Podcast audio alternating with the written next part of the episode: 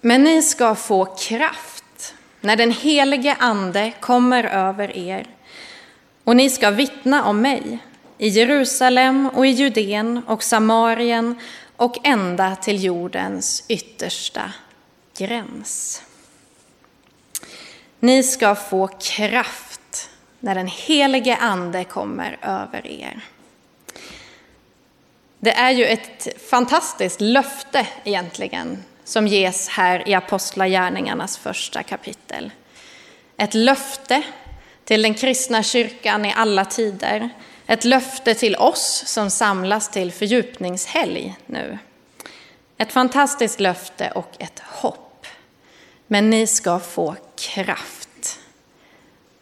Den förväntan får vi ha, den längtan får vi ha när vi går in i den här helgen. Vad gott att se er alla. Ni är varmt välkomna hit ikväll till den här fördjupningshelgen som vi får dela med varandra och då vi har kallat en särskild gäst, Liselott J Andersson. Ett särskilt varmt välkommen till dig. Du har varit här förut, till och med i den här nybyggda delen av kyrkan. Men du är jättevarmt välkommen hit igen. Liselott är ju pastor i Equmeniakyrkan, förkunnare, evangelist, själavårdare, författare. Du får fylla på sen, vad allt jag har glömt. Men det känns jättegott att ha dig här och vi ser fram emot att ta del av vad du vill dela med oss. Det temat som vi har satt för den här helgen det är ju Vad jag har, det ger jag. Vad jag har, det ger jag. Om att förvalta trons rikedomar i ljuset av apostlagärningarna. Och som ni kanske minns så hade vi ju ett temaår här i församlingen men i hela Equmeniakyrkan under 2020. Till jordens yttersta gräns var temat och det utgick ifrån läsningen av just apostlagärningarna. Och i samband med det så kallade vi ju dig Liselott första gången. Tanken var att du skulle kommit i november. Men det blev inställt och så tänkte vi försöka igen i april. Men det fick också skjutas på. Men tredje gången gilt och nu är vi här. Vi knäpper händerna och ber.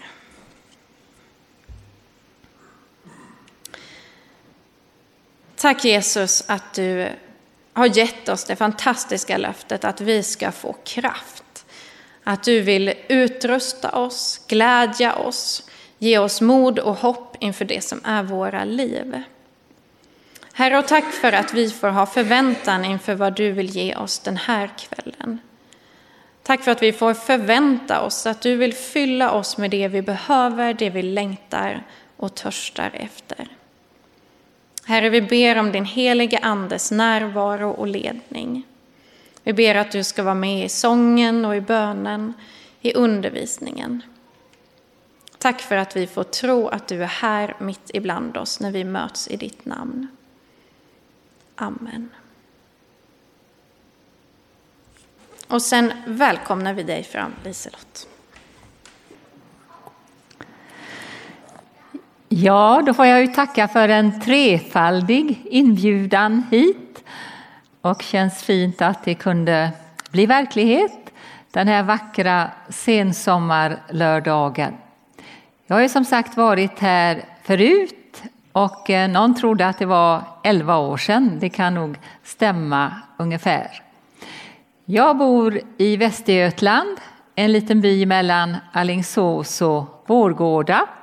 Inte så olikt Ingarp egentligen. Det finns liksom också någon gemensam fromhet har jag en känsla av.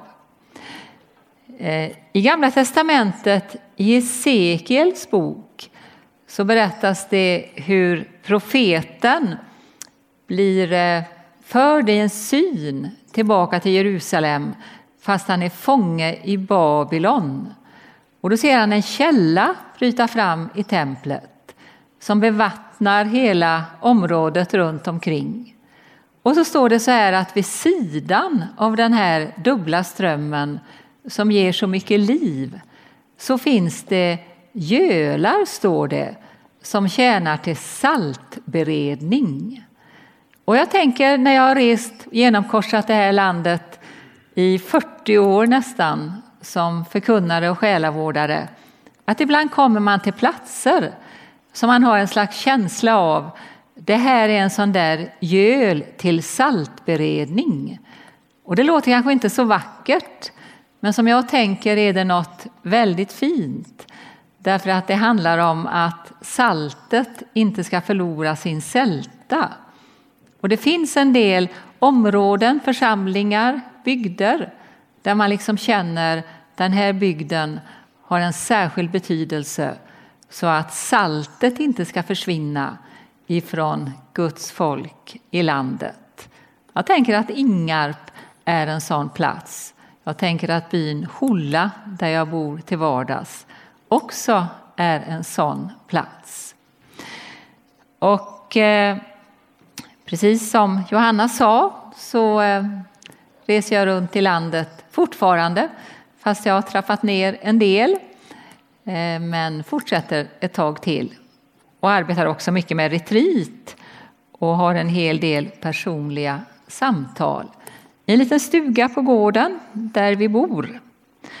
Annars kommer jag ifrån havet egentligen, vill gärna säga det också, ifrån Marstrand och eh, är privilegierad nog att ha mitt barndomshem kvar där, om än mina föräldrar är borta sedan länge.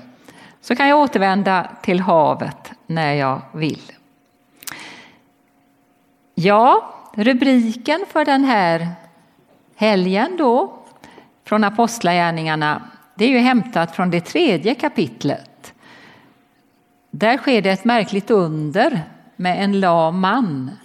Och det är Petrus som är på något sätt förmedlaren av Guds kraft till den lame. Och jag läser bara de versar från berättelsen där det här uttrycket finns som vi lånade till rubrik. Så här står det i Apostlagärningarna 3 från vers 4. Petrus och Johannes fäste blicken på honom och Petrus sa Se på oss. Mannen såg spänt på dem och väntade sig att få något av dem. Men Petrus sa Silver och guld har jag inte men vad jag har, det ger jag dig. I Nazaren Jesu Kristi namn, stig upp och gå. Amen. Och sen händer det märkliga undret som får betyda mycket för att evangeliet fortsätter att spridas. Vad jag har, det ger jag dig. Att förvalta trons rikedomar utifrån apostlagärningarna. Det är egentligen ett väldigt hav att ösa ur. Och man måste bestämma sig för något öskar som man får välja. För helheten kan inte rymmas en eftermiddagsstund som denna. Så jag bestämde mig för att använda öskaret, vad bönen betyder i Apostlagärningarna, vad den har betytt allt sedan dess och vad den kan betyda för oss idag. Jag har arbetat eh, med en tidskrift för andlig vägledning som heter Pilgrim ända sedan den började ges ut år 1994. Och det är två uttalanden om bön ifrån det sista årets utgåvor av Pilgrim som särskilt har fastnat hos mig. Ett var av Sarah Coakley, som är en brittisk teolog. Hon skriver ungefär så här. Det är verkligen inte enkelt att be. Och därför är det en tröst att Paulus skriver att vi vet inte hur vi ska be, men Anden vädjar för oss med rop utan ord. Och det andra som någon skrev var en norsk kvinna som ganska ofta skriver i Pilgrim, som också har skrivit böcker. Hon heter Ellen Merete. Hon skrev så här. På något sätt förblir man på bönens område en nybörjare livet igenom. Och de två utsagorna hjälpte mig så väldigt. Att Sara sa, det är inte så enkelt att be. Och att Ellen Merete säger, på något sätt förblir man en nybörjare livet igenom. Och då behöver ju ingen känna sig missmodig och tänka, jag är nog en dålig bedjare ändå. Utan vi sitter på något sätt i samma båt. Och det gjorde ju också apostlarna. De hade ju varit vana vid att Jesus var hos dem som en fysisk gestalt. Och nu var det plötsligt helt annorlunda. Och de fick lära sig ett nytt sätt att kommunicera med Jesus. Så på något sätt kan vi också ta dem vid handen då. Och jag tänkte börja precis i den här berättelsen som vi utgår ifrån då. Den första versen i Apostlagärningarna 3, där står det så här. Petrus och Johannes gick upp till templet vid tiden för eftermiddagsbönen. Vad betyder det? Ja, att de här helt enkelt bad tidebön. Det gjorde också Jesus. Och det har aldrig försvunnit ifrån kyrkan utan förts vidare framför allt i klosterväsendet. Och många av oss, när vi kanske åker på retreat, så stöter vi på detta med tidebön. Vad är det? Ja, det är egentligen precis som det låter, att man ber på bestämda tider. Och det kan vara lite olika, men ofta är det morgon, middag, tidig kväll och sen kväll. Och när man ber tidebön då använder man framför allt Bibelns egen stora bönbok, alltså Saltaren. Och man ber direkt ur Saltaren och växelber gärna, liksom mot varandra. Jag stötte på det här kanske för första gången för ungefär 30 år sedan när jag började leda retriter på Bjärka Säby. Och eh, det är inte så många dagar jag ber alla fyra tidebönerna. Men det är ytterst sällan jag inte ber någon. Och få saker har hjälpt mig så mycket i bönelivet som att börja be tidebön. Eh, det finns olika tappningar av detta, även om grunden är densamma. Jag ber gärna den tidebön som finns utgiven då på Bjärka Säby som heter Tideböner för hela året. Det är en ganska tjock bok, men eh, i dessa tider går ju nästan allt att finna i en app i telefonen. Också tidebön. Så skulle du vilja smaka lite på det kan du ladda ner Tidegärd. Det är ett annat ord för samma sak. Och gärd betyder att ge en gåva till Gud. Och så rekommenderar jag, när det kommer olika alternativ, att du väljer den som är utgiven på Bjärka Säby. Det jag tycker särskilt mycket om med den tidebönen, det finns fyra då för varje dag, det är att till varje psalm så finns det en så kallad antifon, en liten förstavelse. Och den är alltid hämtad ur Nya testamentet och den fångar upp liksom det centrala i salmen. Så samtidigt som man ber med Gamla testamentets böner med saltaren så får man med sig en nyckel från Nya testamentet. Och så får man med sig tre fantastiska lovsånger varje dag. Det är Sakarias lovsång på morgonen, han som blev stum till sonen Johannes föddes och sen brister ut i en fantastisk lovsång. I Lukas 1 finns den. Och på den tidiga kvällsbönen så ber man Marias lovsång ur Lukas 2. Och den sena kvällsbönen så lovsjunger man med Symeon de orden som han tackade Gud med när han höll Jesusbarnet i famnen. Och man kan ju undra då vad är det för vits med att be böner som är 3000 år gamla? Så gamla är ju saltarens sånger och böner. Ja, de är märkligt tidlösa. Därför att där ryms nästan allt som kan rymmas i en människa. Där finns nattsvart förtvivlan och högljutt jubel. Där finns stark tro och där finns tvivel och vånda.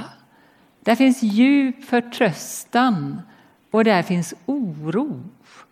Allt får liksom plats inför Guds ansikte.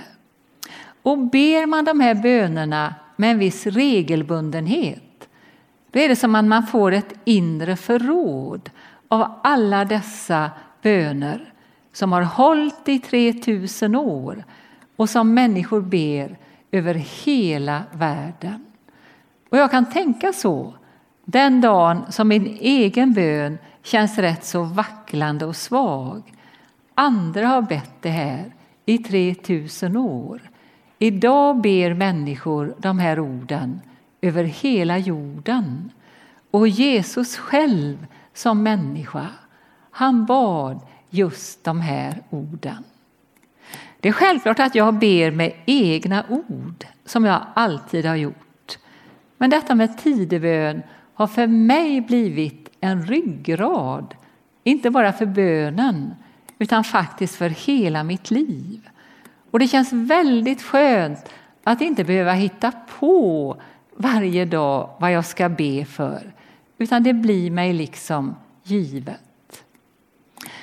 En av dem som har undervisat om bön är Wilfrid Stinnisen, karmelitmunk som nu är hemma hos Herren, men som gav många mycket och än gör det genom sina böcker. Och han har sagt någonting om bön som för mig nästan är det bästa som någon har sagt om denna verklighet. Han säger så här, att be är att sluta vara någon annan än den man egentligen är. Att sluta leva vid sidan av sitt sanna väsen. Och så säger han som en följd av det, det finns inget i en människas liv som inte kan bli till bön.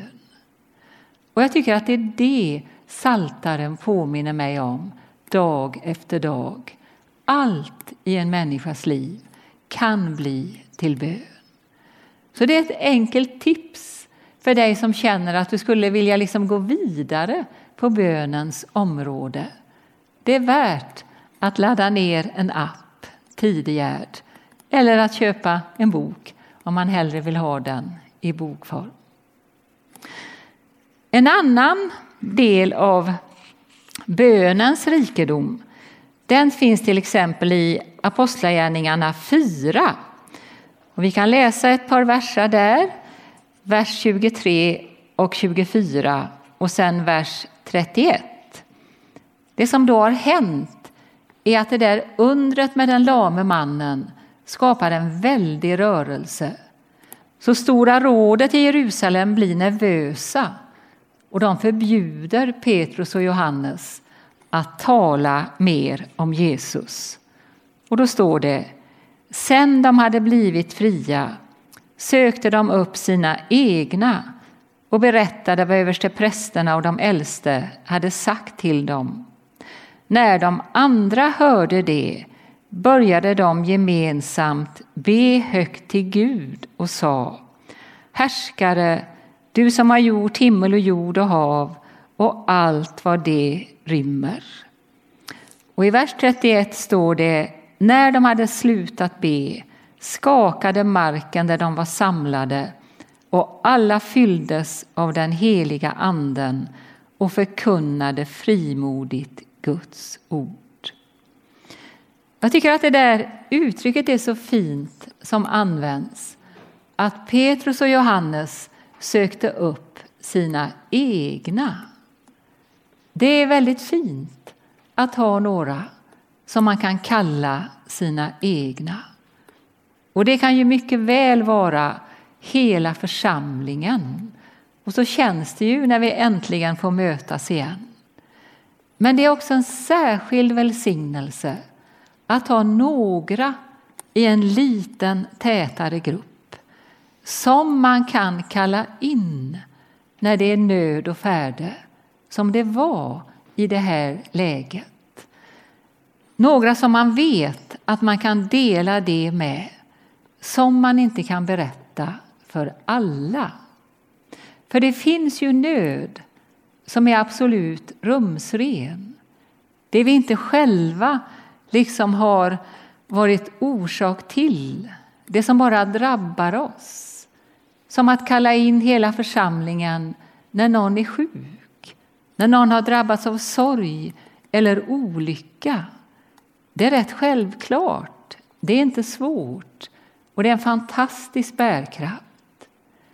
Men när det finns något i mitt liv som inte riktigt tål ljuset eller när jag vill skydda någon annan och inte kan berätta det hur som helst när det är svårare på det sättet att liksom träda fram inför en hel församling, då är det en stor skatt att ha några som man kallar sina egna. Och det vi framför allt behöver öva oss i där, det är ju att be om hjälp och att tänka idag är det jag som är svag. Nu är det de andra som får bära mig. En annan gång är det någon annan som är svag och då är jag med och bär. Jag tror att det kan bli väldigt ljust när vi vågar dela också det mörka med några få vi har förtroende för. Och det är på något sätt det mest verksamma vapnet emot mörkret som ibland hotar att inta oss. Så ta med dig det också. Har du några som du skulle kunna kalla dina egna, som du absolut vet finns den dagen du särskilt behöver det. Sen finns det många exempel i Apostlagärningarna på det man skulle kunna kalla för den sökande bönen. Och det finns tre väldigt starka berättelser om sökande människor som ber. Och de kommer egentligen slag i slag ifrån kapitel 8, 9 och 10. Läs gärna det, även om du har läst det förut. Och I kapitel 8 då, så finns ju den här etiopiske hovmannen som har åkt ända till Jerusalem för att söka Gud därför att det finns en sån törst hos honom. Och han åker hem och han har egentligen inte hittat vad han sökte. Men Gud vet och Gud ser till att en av apostlarna kommer i hans väg. Och när den etiopiske hovmannen åker vidare så är han både frälst och döpt.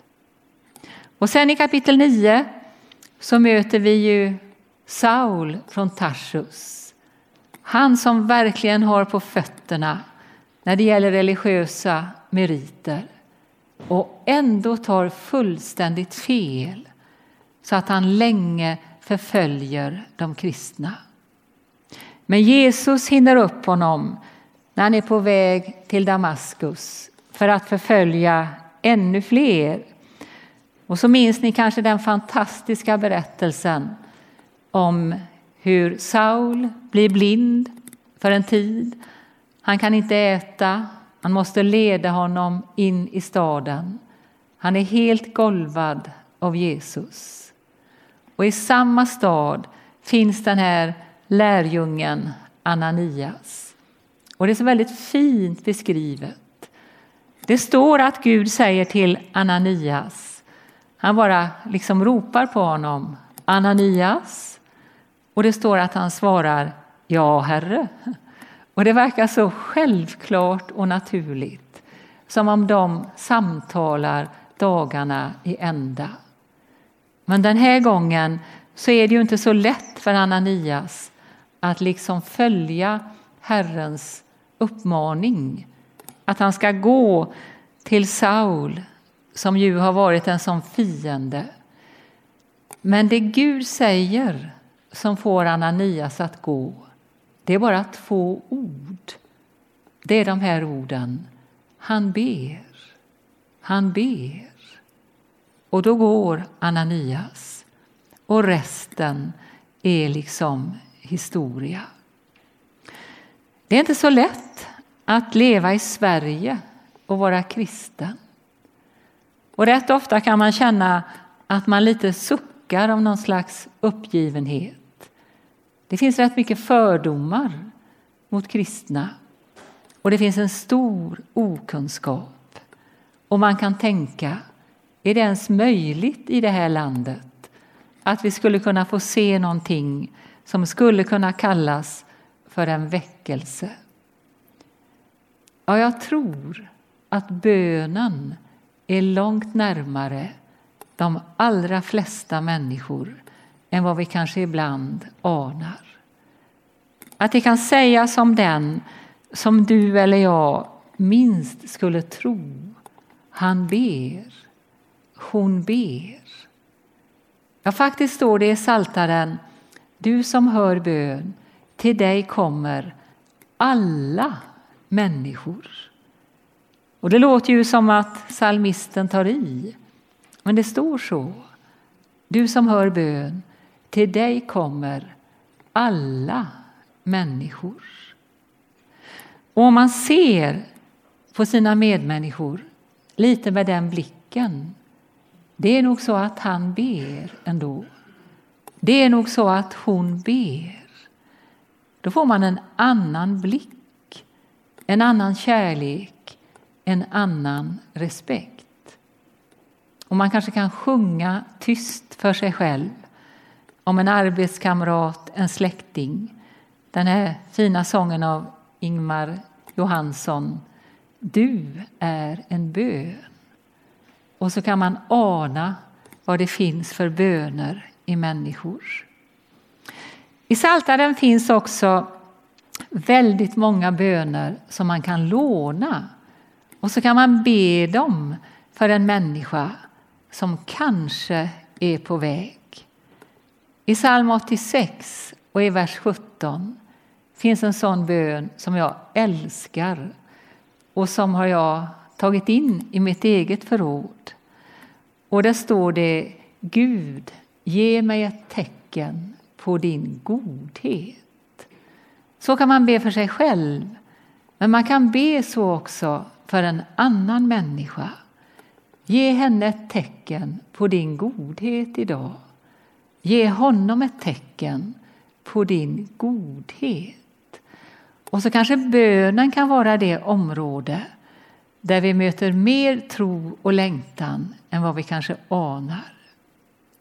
Vid ett par tillfällen den här sommaren så mötte jag människor i helt olika sammanhang som blev en sån inspiration för mig. Båda två var män i sina bästa år, alltså runt 60 sådär. Eh, lever i storstaden, eh, i rätt så utsatta områden. I två olika städer var det här fråga om. Och båda berättade lite samma historia, ungefär så här. Jag och mina vänner såg inte ut med alla de där rapporterna om gängskjutningar och våld. Vi tänkte vi måste gå ut. Så vi gjorde det helt enkelt till de där platserna där vi vet att de där gängen hör till. Och vi blev inte ihjälslagna. Och så sa den ene, första gången var det fruktansvärt svårt. Andra gången gick det lite lättare. Tredje gången började jag faktiskt längta. Och nu har det blivit en självklar del av mitt liv. Och så sa jag ungefär så här, men, men lyssnar de? Eh, vad säger du? Får du liksom kontakt? Och då sa han, jag har märkt att frågar man får jag be för dig så är det nästan aldrig någon som säger nej, utan de tar tacksamt emot. Ja, bönen är nog en mötesplats mellan sökare och troende, kanske mer än vi anar. Och då är vi också nära en annan form av bön som tillhör det viktigaste och som också finns företrätt i Apostlagärningarna, naturligtvis. Och det är detta med förbön. Och ett väldigt eh, starkt exempel på det är ju Apostlagärningarna 12. Då har det hänt att Jakob har blivit halshuggen och Herodes ser att det har vunnit ett visst gillande hos folket. Och så fängslar han Petrus. Och alla förstår ju att det är stor risk att Petrus går samma öde till mötes. Så den natten är man samlade i en slags husförsamling och ber ivrigt till Gud, står det, för Petrus. Och det måste varit en särskild verkan av den bönen när det står att Petrus ligger och sover kedjad vid en vakt på varje sida.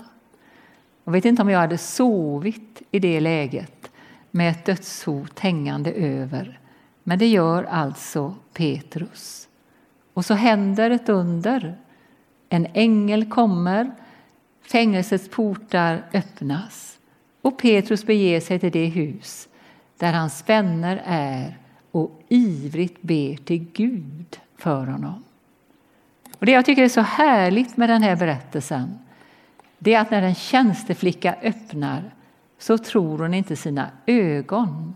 Men hon springer in till de andra och säger Petrus står här utanför dörren. Och då säger de du yrar. Och när hon betygar att det är han så säger de det är väl hans ängel då. Och på ett sätt är det så tröstande för de ber ivrigt. Men de har ju liksom inte någon obrottslig tro. För när bönesvaret kommer, då tror de inte sina ögon. Så det handlar nog inte om hur stark tron är vid de tillfällena. Men den där iven och kärleken. Och det står att många var samlade. Och det är någonting som jag på något sätt känner att jag lite har fått på mitt hjärta. Jag vill säga den tid jag har kvar att åka runt så här, om den är kort eller lite längre. Att liksom uppmana till förbön. Jag vet att vi ber både hemma och i kyrkan.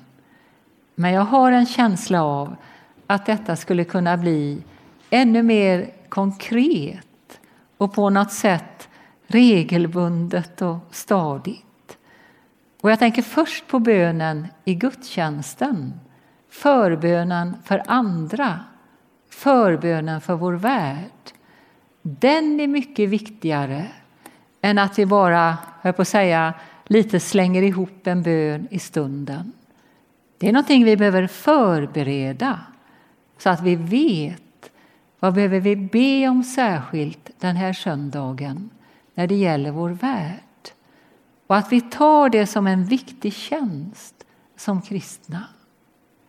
Och jag tycker egentligen att det är nödvändigt att det finns ytterligare något tillfälle, helst varje vecka, när vi bara kommer samman, de som kan, för att särskilt be för vår värld i stort och i smått. Och jag tänker att det är bra om vi åtminstone årligen har något slags event där vi särskilt betonar bönen. Den här platsen där vi bor då, i byn Holla som tillhör de här väckelsebygderna runt Vårgårda och Allingsås. Jag har bott där i 21 år. Jag är rätt säker på det eftersom vi hade 21-årig bröllopsdag i torsdags. Och under alla år jag har bott där, och också innan jag kom dit, tror jag, så har församlingen där på höstlovet i november varje år haft sån där 24-7-bön. Så man ber liksom eh, sju dagar, 24 timmar i sträck. Alla är inte där hela tiden naturligtvis. Men man får anteckna sig för den tid man kan. Eh, och det är ingen katastrof om inte schemat blir helt fullt. Gud hör ändå. Eh, Men jag blir tagen varje gång jag ser det där rätt så välfyllda schemat av människor som ber för närmiljön, för vårt land, för situationer långt borta. Eh, de byggde en kyrka där för några år sedan av ett sommarhem som fick bli hela bygdens kyrka. Fantastisk plats måste jag säga, belägen vid en liten vacker sjö som samlar väldigt mycket människor på olika sätt. Och det är intressant att titta tillbaka i bönböckerna för varje år. Där har det ofta varit bön för det här. Hur ska vi göra, Herre, med alla våra församlingar? Ska vi bli en församling? Var ska vi bygga någonstans? Och det känns som att det blev särskilt välsignat. Jag tror att bönerna har hjälpt till.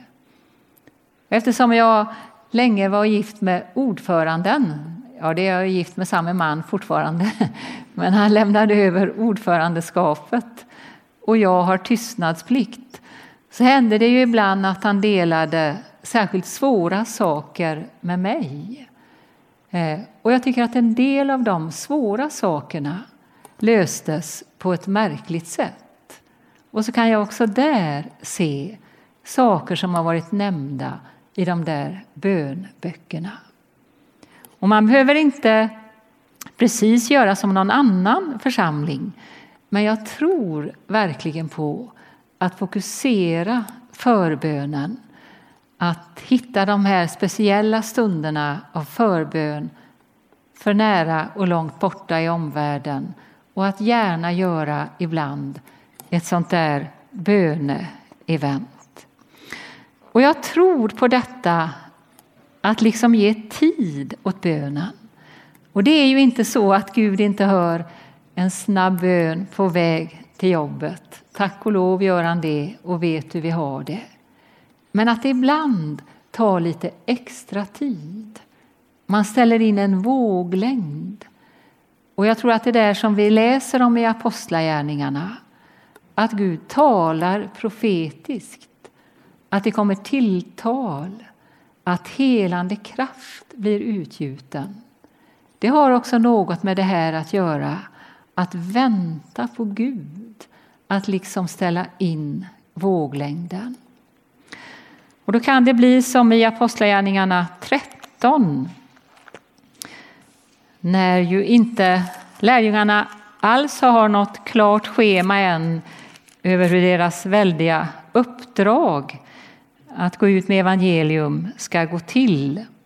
Och då står det i eh, Apostlagärningarna 13 eh, om en grupp som var samlade och i vers 2 medan de en gång höll gudstjänst och fastade sa den heliga anden till dem avdela Barnabas och Saul för den uppgift som jag har kallat dem till. Efter fasta och bön lade de sina händer på dem och skickade iväg dem. Och i detta, när vi på något sätt har lite mer tid att vara ensamma eller tillsammans inför Guds ansikte så kan detta med tillbedjan födas på ett särskilt sätt. Och jag tänker att tillbedjan är att liksom vända sitt ansikte mot Guds ansikte som lyser över oss. Att komma med sin tacksamhet, att komma med sina tårar, att komma med sin lovsång och att komma med sina frågor. Att låta allt detta få plats i tillbedjan. Att på något sätt säga med lite olika ord du är den enda Gud som hemligen ser mig, som vet vad jag ber dig. Och man kan ju lite ställa frågan i en värld som rymmer så mycket nöd som vår. När vi tänker på allt vi bara blivit påminda om den här sommaren, hur jorden liksom har feber. När vi tänker på det förfärliga som händer i Afghanistan, för att bara nämna något, så kan man tänka kan man tillbe i en sån här situation? Och då tänker jag på Bibelns sista bok där tillbedjan är stark i Uppenbarelseboken. Och den har ett väldigt tydligt föremål. Till exempel i kapitel 5 är det tydligt. Den man tillber är ett lamm som ser ut att ha blivit slaktat. Alltså Jesus Kristus som gav och ger sitt liv i kärlek till den här världen. Och jag tänker, det slaktade lammet kanske man till och med kan tillbe som en livrädd kristen i Afghanistan. Det finns trots allt några hundra kristna där. Svårt att beräkna eftersom man måste dölja sin tro eftersom det är livsfarligt. Men jag tänker att kan en plågad människa antingen av inre eller yttre plågor tillbe då är det väl det slaktade lammet, Jesus som utgav sig själv som man på något sätt kan vända sig till. Och då är det starkt att läsa i just det kapitlet att efter ett tag så är det inte ett slaktat lamm. Det är istället ett lejon. Och där är ju bildspråk. Men det säger någonting om att Jesus utger sig själv i yttersta svaghet. Men där finns styrkan som sen övervinner allt. En sak till bara vill jag nämna från Apostlagärningarnas böneliv. Och det är att det går som en röd tråd, kan man säga, den lyssnande bönen. De lyssnar enskilt. Det gör Petrus när han ber tidebön, middagsbön i kapitel 10 uppe på taket och väntar på mat och ser en märklig syn. Och han förstår utifrån den synen att frälsningen gäller inte bara judarna utan hela världen. Han lyssnar när han ber. Och vi läste om dem i Apostlagärningarna 13 som var tillsammans och lyssnade och bad. Och så får de tilltalet som öppnar dörrarna för världens evangelisering. Och så lyssnar man många tillsammans. Och kanske är det en av huvudnycklarna till att bönen ska bli den källa som den kan vara.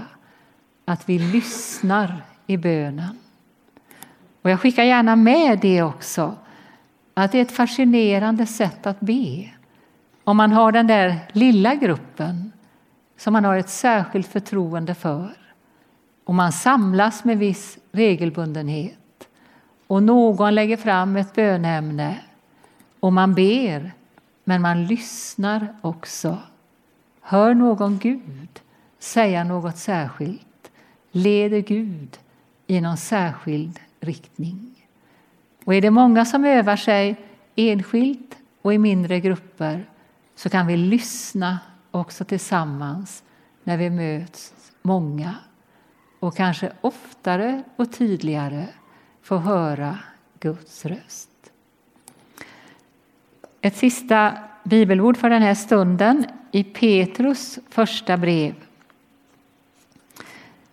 Det är ju nästan oundvikligt om man har någon kunskap om Bibelns undervisning om den sista tiden att man inte funderar över hur tiden lider, så att säga när man ser vad som händer med vår skapelse och samtidigt minns vad Jesus har sagt om denna tidens slut.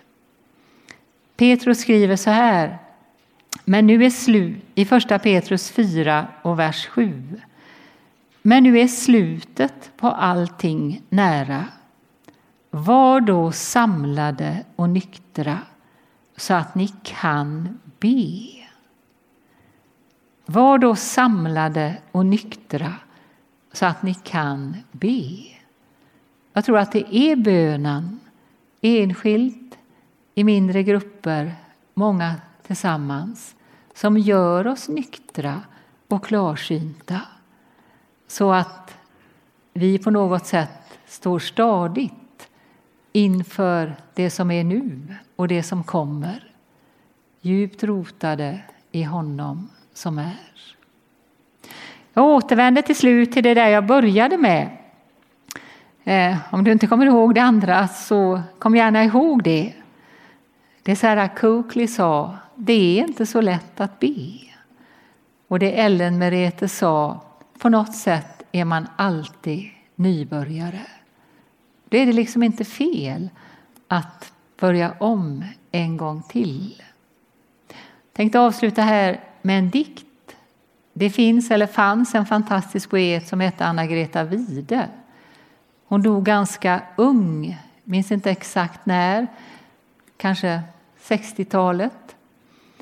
Eh, ganska nyligen, för ett par år sedan, hittade en släkting en hel resväska full av efterlämnade dikter av henne som liksom inte hade upptäckts förrän nu. Det är en helt fantastisk läsning. Anna-Greta hade också en tro, en kämpande tro, men verkligen en tro. Eh, bland det som man hade hittat innan den där resväskan upptäcktes och som nu har givits ut, mycket av det, så fanns det en dikt av henne som jag tycker så mycket om. Den heter Bönhörelse.